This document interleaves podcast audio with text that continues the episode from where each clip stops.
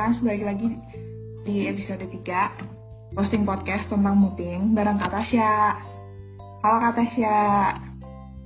Halo. Boleh dikenalin dulu Kak, Kak Tasya.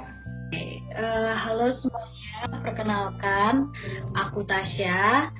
Aku waktu tahun 2018-2019 diamanakan untuk menjadi Direktur Komunitas Peradilan Sumu Satria Paramarta. Aku angkatan 2016 dan di Fakultas Hukum aku mengambil konsentrasi hukum pidana. Oke, uh, kenalin aku Fadia dari Legal Muting 2019. Uh, betul Kak Tasya baru lulus ya? Selamat ya Kak. Halo Fadia. Puji Tuhan, thank you. langsung aja ke pertanyaan pertama ya kak. Uh, ini boleh boleh boleh boleh. Ternyata ada lima pertanyaan nih kak. Uh, dulu waktu kak Tasya nih jadi maba, okay. uh, udah tahu belum MCC itu seperti apa, sejauh apa gitu waktu waktu masih jadi maba? Oke, okay. jadi sebenarnya waktu maba aku sama sekali nggak tahu MCC. Aku cuma tahu um, waktu aku maba dulu tuh kan masih sempat ada kayak demo sidang. Nah itu dari Sparta.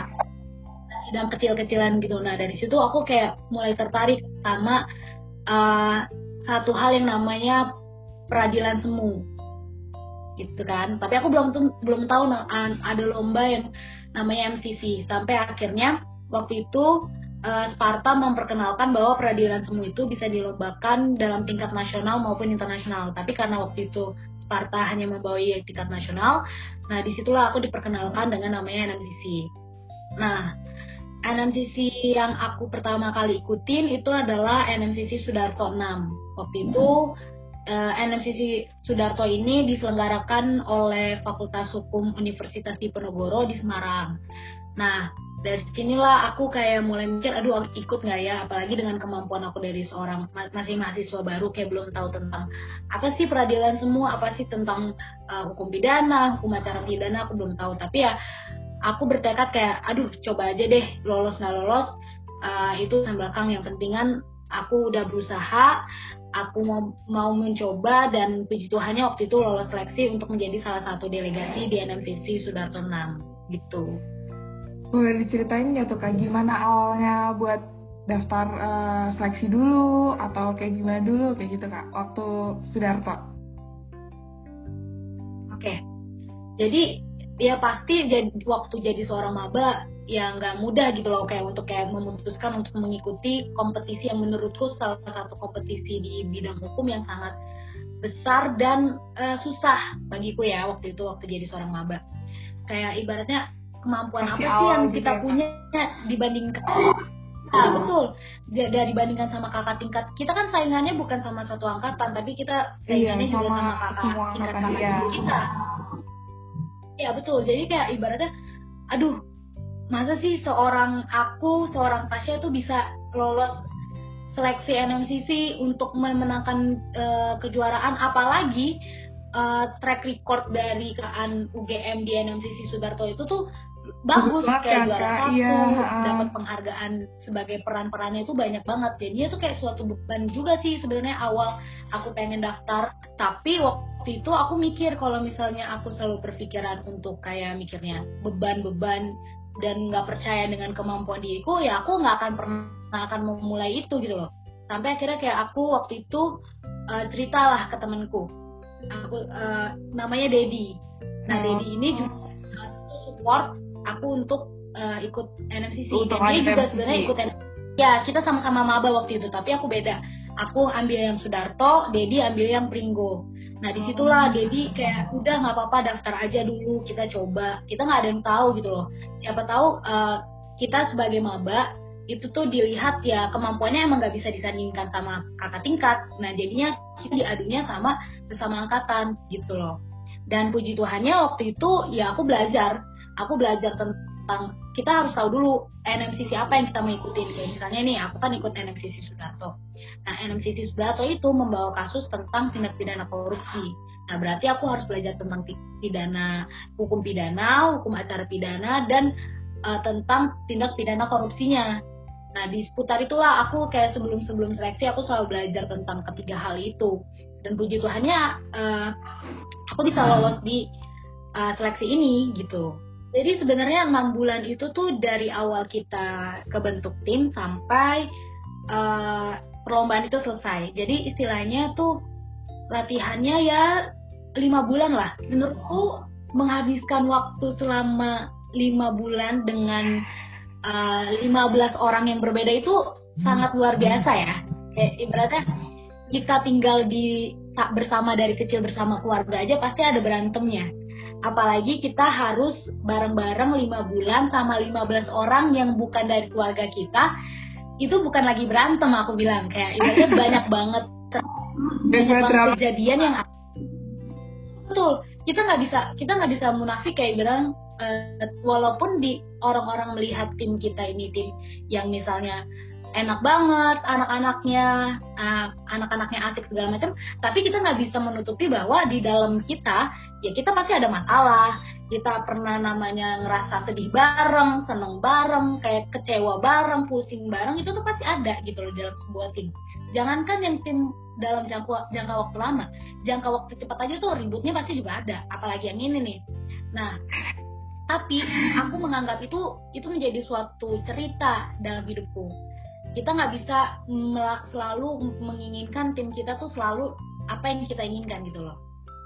Berarti di situ kita juga di dalam selama lima bulan ini bukan cuma belajar tentang materi belajar materi itu pasti utama gitu loh. Tapi hal lain yang bisa kita dapat kita tuh bisa dapat yang namanya itu keluarga. Sampai sekarang uh, aku kan maba tuh waktu jadi NMCC Sudarto.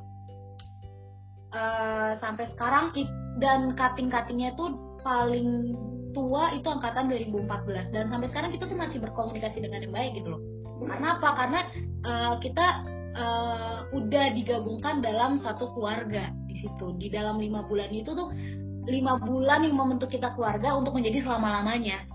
Jadi uh, proses belajarnya tuh di dalam tim juga lebih mudah dibandingkan kita belajar di kelas bahkan. Dan apa namanya? Jujur aja ya, aku semenjak ikut MCC, IP ku tuh nggak pernah yang namanya nggak bagus. Selalu bagus, selalu naik. Ya, Dan ini gitu. semua delegasi NM. Betul betul karena secara nggak langsung kita udah belajar lebih dulu dibandingin teman-teman kita di kelas. Kayak misalnya nih, aku maba. Aku maba tapi udah belajar pidana, belajar hukum acara pidana, dan belajar pidana khusus yaitu salah satunya tindak pidana korupsi. Dan tiga-tiganya ini itu akan menjadi mata kuliah aku di semester berikutnya, yaitu di semester 2 hukum pidana, di semester 3 hukum acara pidana, dan di semester apa ya, pidana khusus aku lupa. Pokoknya itu sangat-sangat berguna dan abang kakaknya itu mengajari kita itu kayak bukan kayak kalau dosen kan ibaratnya uh, jadi apa ya cakupannya lebih luas kan mahasiswa. Tapi kalau abang kakak ini kan dikit kayak cuman sesama temennya dan kita ada tingkatnya. Jadinya kita itu selama berproses lima bulan ini kita lebih mudah untuk menangkap apa sih tentang hukum itu tuh apa sih hukum pidana tuh apa sih hukum acara gimana sih hukum pid tindak pidana korupsi itu gimana sih. Nah jadinya proses belajarnya itu lebih mudah untuk dimengerti gitu. Kayak lebih private kalau aku ya betul betul. Lebih private dan kayak ibaratnya lebih private kan lebih mudah ya iya. untuk menangkap suatu materi gitu kan? Ya jadinya lebih enak nah gitu, jadinya nggak langsung sama dosen kan kayak lebih dekat uh, kita betul. sekarang sadar lebih dekat nah, yang ngajarin kayak gitu kan. Betul. Dan kita akan menjadi lebih berani untuk menanyakan hal-hal yang nggak kita mengerti. Mungkin kan kalau sama di kelas kan kita malu-malu kan sama teman-teman kita atau sama kakak tingkat yang masih ada di kelas itu kan kita malu untuk bertanya sama dosen kalau kita nggak ngerti. Tapi kalau pas di MCC ini kita kayak bebas aja kayak uh, kak aku kurang ngerti di bagian ini. Dan itu pasti akan dijelasin sama mereka gitu loh. Banyak hal sih yang aku dapat selama lima bulan ini. Ya memang gak munafik lah. Pasti ada bosannya tengkar itu pasti. Entah sesama tim entah uh, tim sama kita sendiri pasti itu ada. Tapi ya proses itu yang membuat kita melihat ternyata sikap itu tuh bukan cuman kepribadian kita doang. Kita harus memahami kita harus menghargai orang-orang yang ada di sekitar kita. Tentang disiplin apalagi. Disiplin itu sangat-sangat diajarkan buat aku ya kayak ibaratnya uh, kalau kelas kita bisa lah telat 15 menit. Tapi kalau MCC enggak. Kalau kamu latihan jam 9 ya masuk jam 9 lewat dari itu kamu hitungannya terlambat dan ada hukumannya hal itu mendidik kita untuk menjadi disiplin gitu loh. Kita datang lebih awal. Tujuannya apa sih supaya ketika latihan kita tuh udah siap. Jadi buat kita kayak lebih menghargai waktu lagi gitu nggak sih kak? Oh betul, itu betul banget loh. Dan yang lebih pentingnya lagi di MCC itu uh, mengajar kita tentang time management. Kayak ibaratnya kita kuliah dari pagi sampai sore, sore sampai malam kita latihan dan ada hal yang kita harus kerjakan seperti tugas-tugas kuliah, berkas MCC, mungkin ada kuis atau UTS atau ujian-ujian lainnya. Nah, kita diajarkan untuk gimana sih membagi waktu kita uh, selama kuliah ini supaya tetap uh, kuliah tetap jalan, MCC jalan, tugas jalan, dan waktu main kita tetap jalan. Nah, hal ini MCC ini tuh mengajarkan banyak hal, bukan cuma tentang MCC-nya aja, tapi tentang kehidupan kita secara orang pribadi ke, ke pribadi, mengatur bagaimana kita membagi waktu kita untuk belajar, untuk bermain, untuk fokus ngeberkas lagi. Nah itu tuh banyak banget sih yang bisa kalian dapat di MCC gitu loh, menurutku ya. Gitu. Lanjut ke pertanyaan kedua ya kak. Uh, selama Katasha nih hidup di okay. MCC apa aja sih yang Katasha ikutin? Aku selama di FH aku ikut dua MCC yaitu yang tadi NMCC Sudarto 6 yang di Semarang sama NMCC TRD 5 di, di Uh, Bali yang menyelenggarakan Universitas Udayana. Lanjut ke pertanyaan dikit ya kak, ini waktu gitu. uh, boleh diceritain nggak sih kak waktu kakak sih jadi maba nih, kenapa sih apa yang bikin kakak tuh tertarik buat masuk MCC buat peradilan semua kayak gitu? Kalau aku pribadi uh, waktu itu ya sebenarnya sejujurnya waktu aku maba aku berpikiran kayak aku mau ah sekali aja berprestasi di kampus. Satu kali aja nggak usah dua kali satu kali aja. Dan menurutku uh, perlombaan yang sangat aku sukai yang yang benar-benar kayak wah ini aku banget adalah waktu itu peradilan semu karena aku menyukai karena uh, aku berpikiran suatu saat nanti aku mau menjadi menjadi salah satu bagian dari uh, komponen litigasi itu. Komponen dari peradilan semu itu. Bukan jadi terdakwa ya tapi ya. Apa ya? Nah aku berpikiran untuk menjadi salah satu uh, orang yang ada di dalam uh, lingkup peradilan itu. Nah sampai akhirnya ah aku akhirnya memutuskan untuk menjadi, mengikuti NMCC dan ternyata setelah aku mengikuti NMCC Sudarto ini ternyata bagiku nggak cukup sekali untuk mengikuti MCC. Kayak nagih gitu wow. gak sih kak? Kayak nagih, beneran itu kayak nagih karena gini loh. Setelah kita udah mendapatkan ilmu dari NMCC kita yang pertama, rasanya tuh aku tuh, aduh aku nggak boleh uh, menyimpan ilmu ini sendiri. Aku harus membagikan ini ke teman-temanku atau ke adik-adik tingkatku selanjutnya. Dan aku mau sekali lagi deh untuk melakukan ini gitu loh. Memang ilmu itu nggak nggak harus diberikan gitu uh, ketika kita ikut MCC lagi. Tapi setidaknya aku bisa melakukan kontribusi langsung lagi gitu loh melalui mengikuti NMCC selanjutnya yaitu NMCC TRT gitu sih yang aku pikirin tuh waktu maba aku pengen sekali aja berprestasi gitu. Dan puji Tuhannya diberikan kesempatan juga untuk berprestasi uh, kali kesempatan yang pertama itu juara NMCC Sudarto itu juara tiga, yang NMCC TRT itu juara satu, puji Tuhan ya. Keren banget itu. sih Kak Tasya. Uh, yang keren tuh kita semua karena jujur ya, uh, walaupun kita yang berperan yang main di perlombaan itu adalah delegasi, tapi kita nggak nggak akan menjadi apa-apa tanpa dukungan kalian, tanpa doa doa kalian. Kalau kalian nih misalnya, kalau makanya kan sering uh, sebelum kita berangkat delegasi berangkat berangkat Yo, itu ada doa pemberangkatan. ada pemberangkatan. Ah itu tuh rasanya kita benar-benar terharu banget loh sebagai delegasi. Kita meng, apa ya rasanya tuh sangat-sangat dihargai sangat-sangat merasa berjuang tuh bukan bergelas-gelas tapi kita berjuang satu fakta gitu loh. Dan jiwa-jiwa ini rasa-rasa ini yang kita bawa ketika kita bertempur di di lomba itu. Kayak ibaratnya kita berjuang nggak kita hanya mewakili teman-teman kita kita dipercaya sama teman-teman kita untuk berlomba di sana dan puji Tuhannya kepercayaan mereka kita bisa memberikan hasil gitu loh jadi kemenangan kita bukan kemenangan 16 orang, bukan kemenangan 18 orang, atau bukan hanya sebatas kemenangan Sparta, tapi ini kemenangan Fakultas Hukum Universitas Gajah Mada. Itu. Keren banget sih kak, tiap aku dulu waktu awal kan ada tuh pemberangkatan kayak waktu lihat apa ada tuh Sparta kelas kan kak dulu waktu aku masih ya, maba.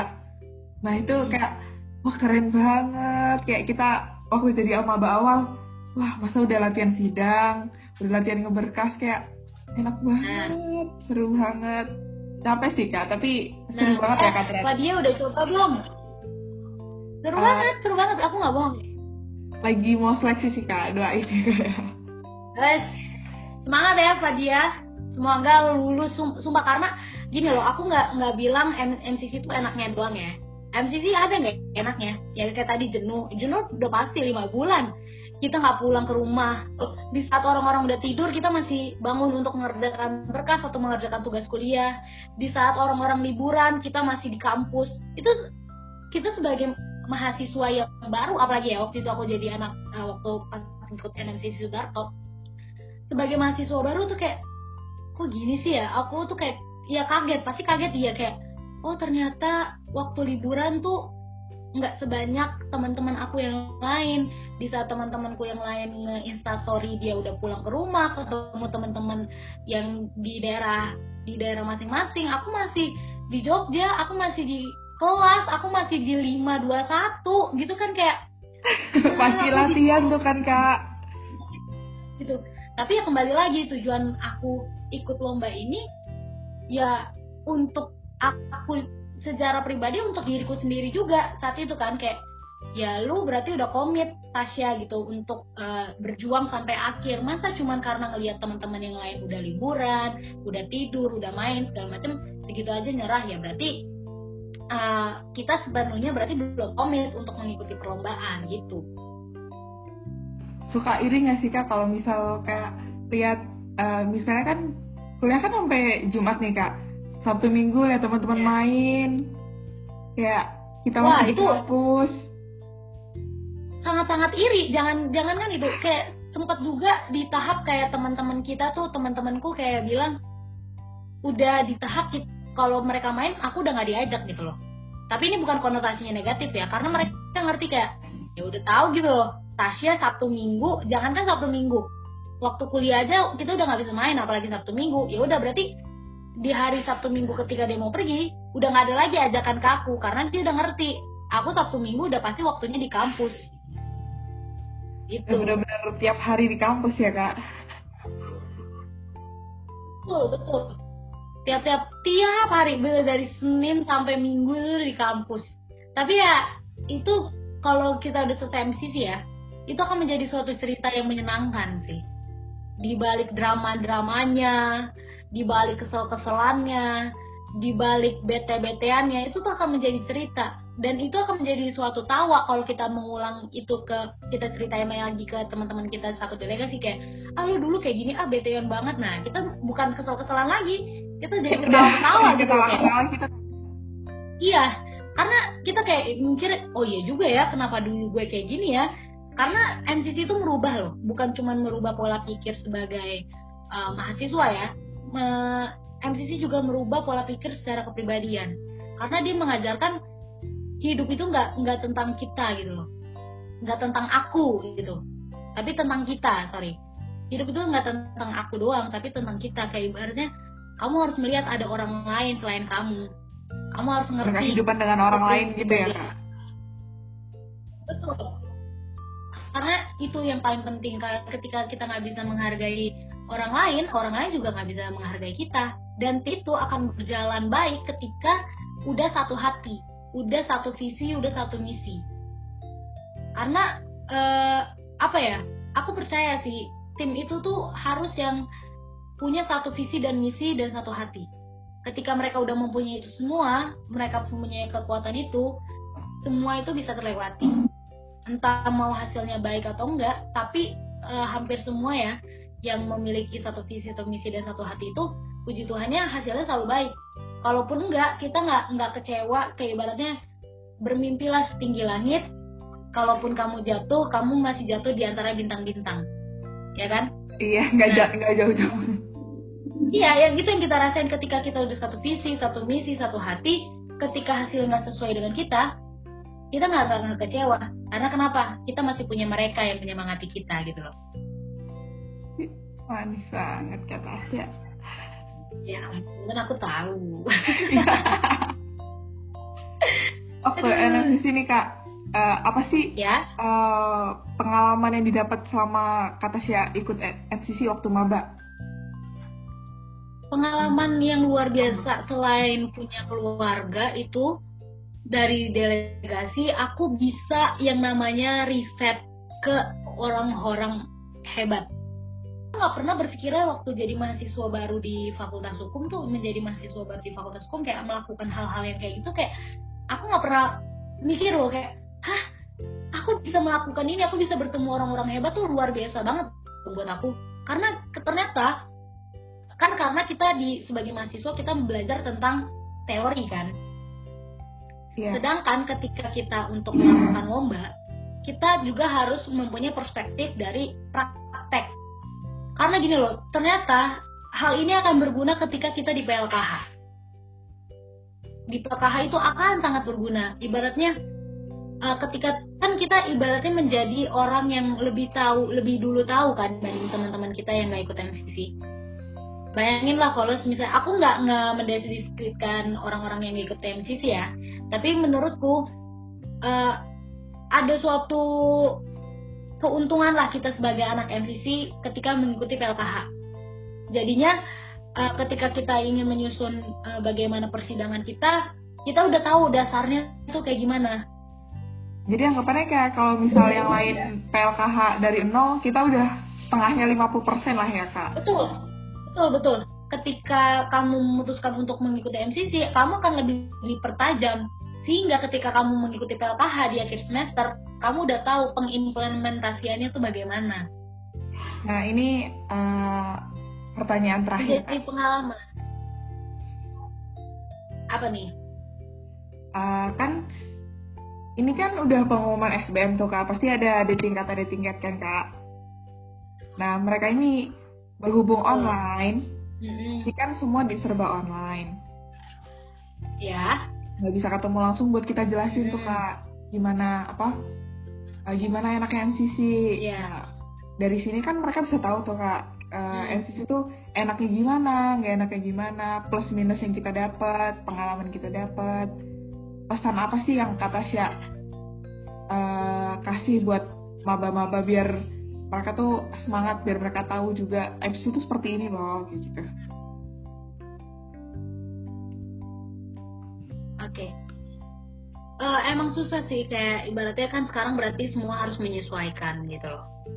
Uh, termasuk dengan mekanisme penyajian perlombaan-perlombaan gitu yang harus yang harusnya yang dulunya bisanya offline tapi mau nggak mau lomba ini harus diselenggarakan secara online termasuk NMCC ini emang nggak mudah tapi menurutku menjadi salah satu bagian di Sparta terutama di bagian kompetisinya di peradilan semuanya itu bukan suatu hal yang menakutkan apalagi untuk maba. Nggak ada hal atau nggak ada apa pun lah suatu hal apa pun yang bisa menghalangi seorang mahasiswa baru untuk mengikuti perlombaan NMCC semua orang semua maba tuh berhak. Dan gak usah takut kayak ngelihat aduh lawan kita kating-kating kita. nggak usah takut. Karena aku kayak gitu. Iya, nggak usah takut. Karena aku pernah walaupun rasa takut itu ada, tapi kita harus melawan rasa takut itu dulu. Ketika kita nggak percaya dengan diri kita sendiri, ya siapa yang akan mempercayai kita gitu loh? Karena uh, kita sebagai BPH, aku kan juga BPH waktu itu kan, yang menyeleksi delegasi juga. Kita juga tahu kemampuan kemampuan tiap orang tuh atasnya bagaimana, dimulainya tuh kayak gimana. Dan gak bisa juga kita ikutnya menyandingkan maba dengan kakak tingkat. Itu bukan fair to fair gitu kan? Bukan apple to apple. Nah jadi nggak usah takut sama kemampuan diri sebagai seorang maba gitu loh. Sebagai tim penyeleksi pun tahu kamu itu harus disandingkannya dengan siapa gitu loh jadi jangan pernah takut kayak ibaratnya aduh maba belum bisa apa-apa. Enggak. Kalian kalian bahkan yang menjadi pejuang selanjutnya gitu loh. Karena kan kita menyebutnya di di UGM di Sparta pejuang MCC kan. Kalau nggak nggak ada kalian nggak ada lagi pejuang-pejuang MCC gitu loh. Jadi untuk hal apa yang harus ditakutkan nggak gitu ada. Ya. betul betul. Betul. Dan jangan pernah takut alumni itu akan selalu berusaha membantu kalian. Kekeluargaan bukan cuma di delegasi ya tapi ada di Sparta dan juga di alumni. Jadinya dan kita akan menjadi apa ya ibaratnya networking kita semakin bertambah. Jadi ketika kalian menjadi maba dan harus mengikuti lomba eh, apalagi MCC nggak ada yang harus ditakuti ketika semuanya tuh sudah ada gitu loh kalau misal gitu. biasanya kan kalau maba-maba itu pada kayak ah enggak nanti aja semester berapa semester berapa gitu kan kak. Nervous. Apa sih tips and tricks dari Kak Tasya? Ini pertanyaan terakhir hmm, nih. dulu aku sempat berpikiran kayak ya lah aku lombanya semester 2 atau semester 3 aja lah ketika aku udah mendapatkan beberapa ilmu di fakultas hukum tapi aku disadari kayak kalau aku berpikir kayak gitu kalau aku menunda-nunda terus hal menunda itu akan datang lagi ketika aku di semester berikutnya. Ah nantilah aku belajar dulu. Nanti nunda lagi nunda lagi. Hal itu nggak akan kamu lakukan ketika kamu menunda. Lakukanlah saat itu juga ketika kamu ingin kamu harus lakukan gitu loh. Jangan pernah menunda sesuatu ketika kita sudah menunda satu hal aja itu akan menunda itu kegiatan menunda itu akan berkelanjutan ke depannya. Kita harus keluar dari zona, zona nyaman kita. Apa pun di di mana pun ya. Apalagi ketika menjadi seorang mahasiswa menurutku kamu harus sangat-sangat keluar dari zona nyaman. Karena kalau nggak kayak gitu kamu nggak akan tahu kayak kehidupan menjadi seorang mahasiswa tuh kurang lengkap lah kalau kamu masih ada di zona nyaman kamu. Kamu harus benar keluar gitu terima kasih ya Kak Tasya udah meluangkan waktunya.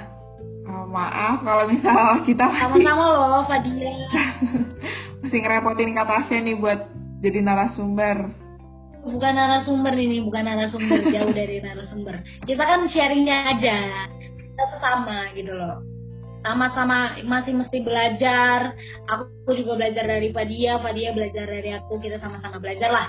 Makasih juga buat Fadia buat Sparta uh, yang udah memberikan kepercayaan untuk uh, aku menceritakan pengalamanku selama MCC semoga yang aku berikan itu informatif dan bisa memberikan daya tarik lah buat teman-teman mahasiswa baru maupun adik-adik tingkatku yang lain untuk ikut MCC karena sekali lagi aku tegaskan MCC itu bukan suatu hal yang harus ditakutkan.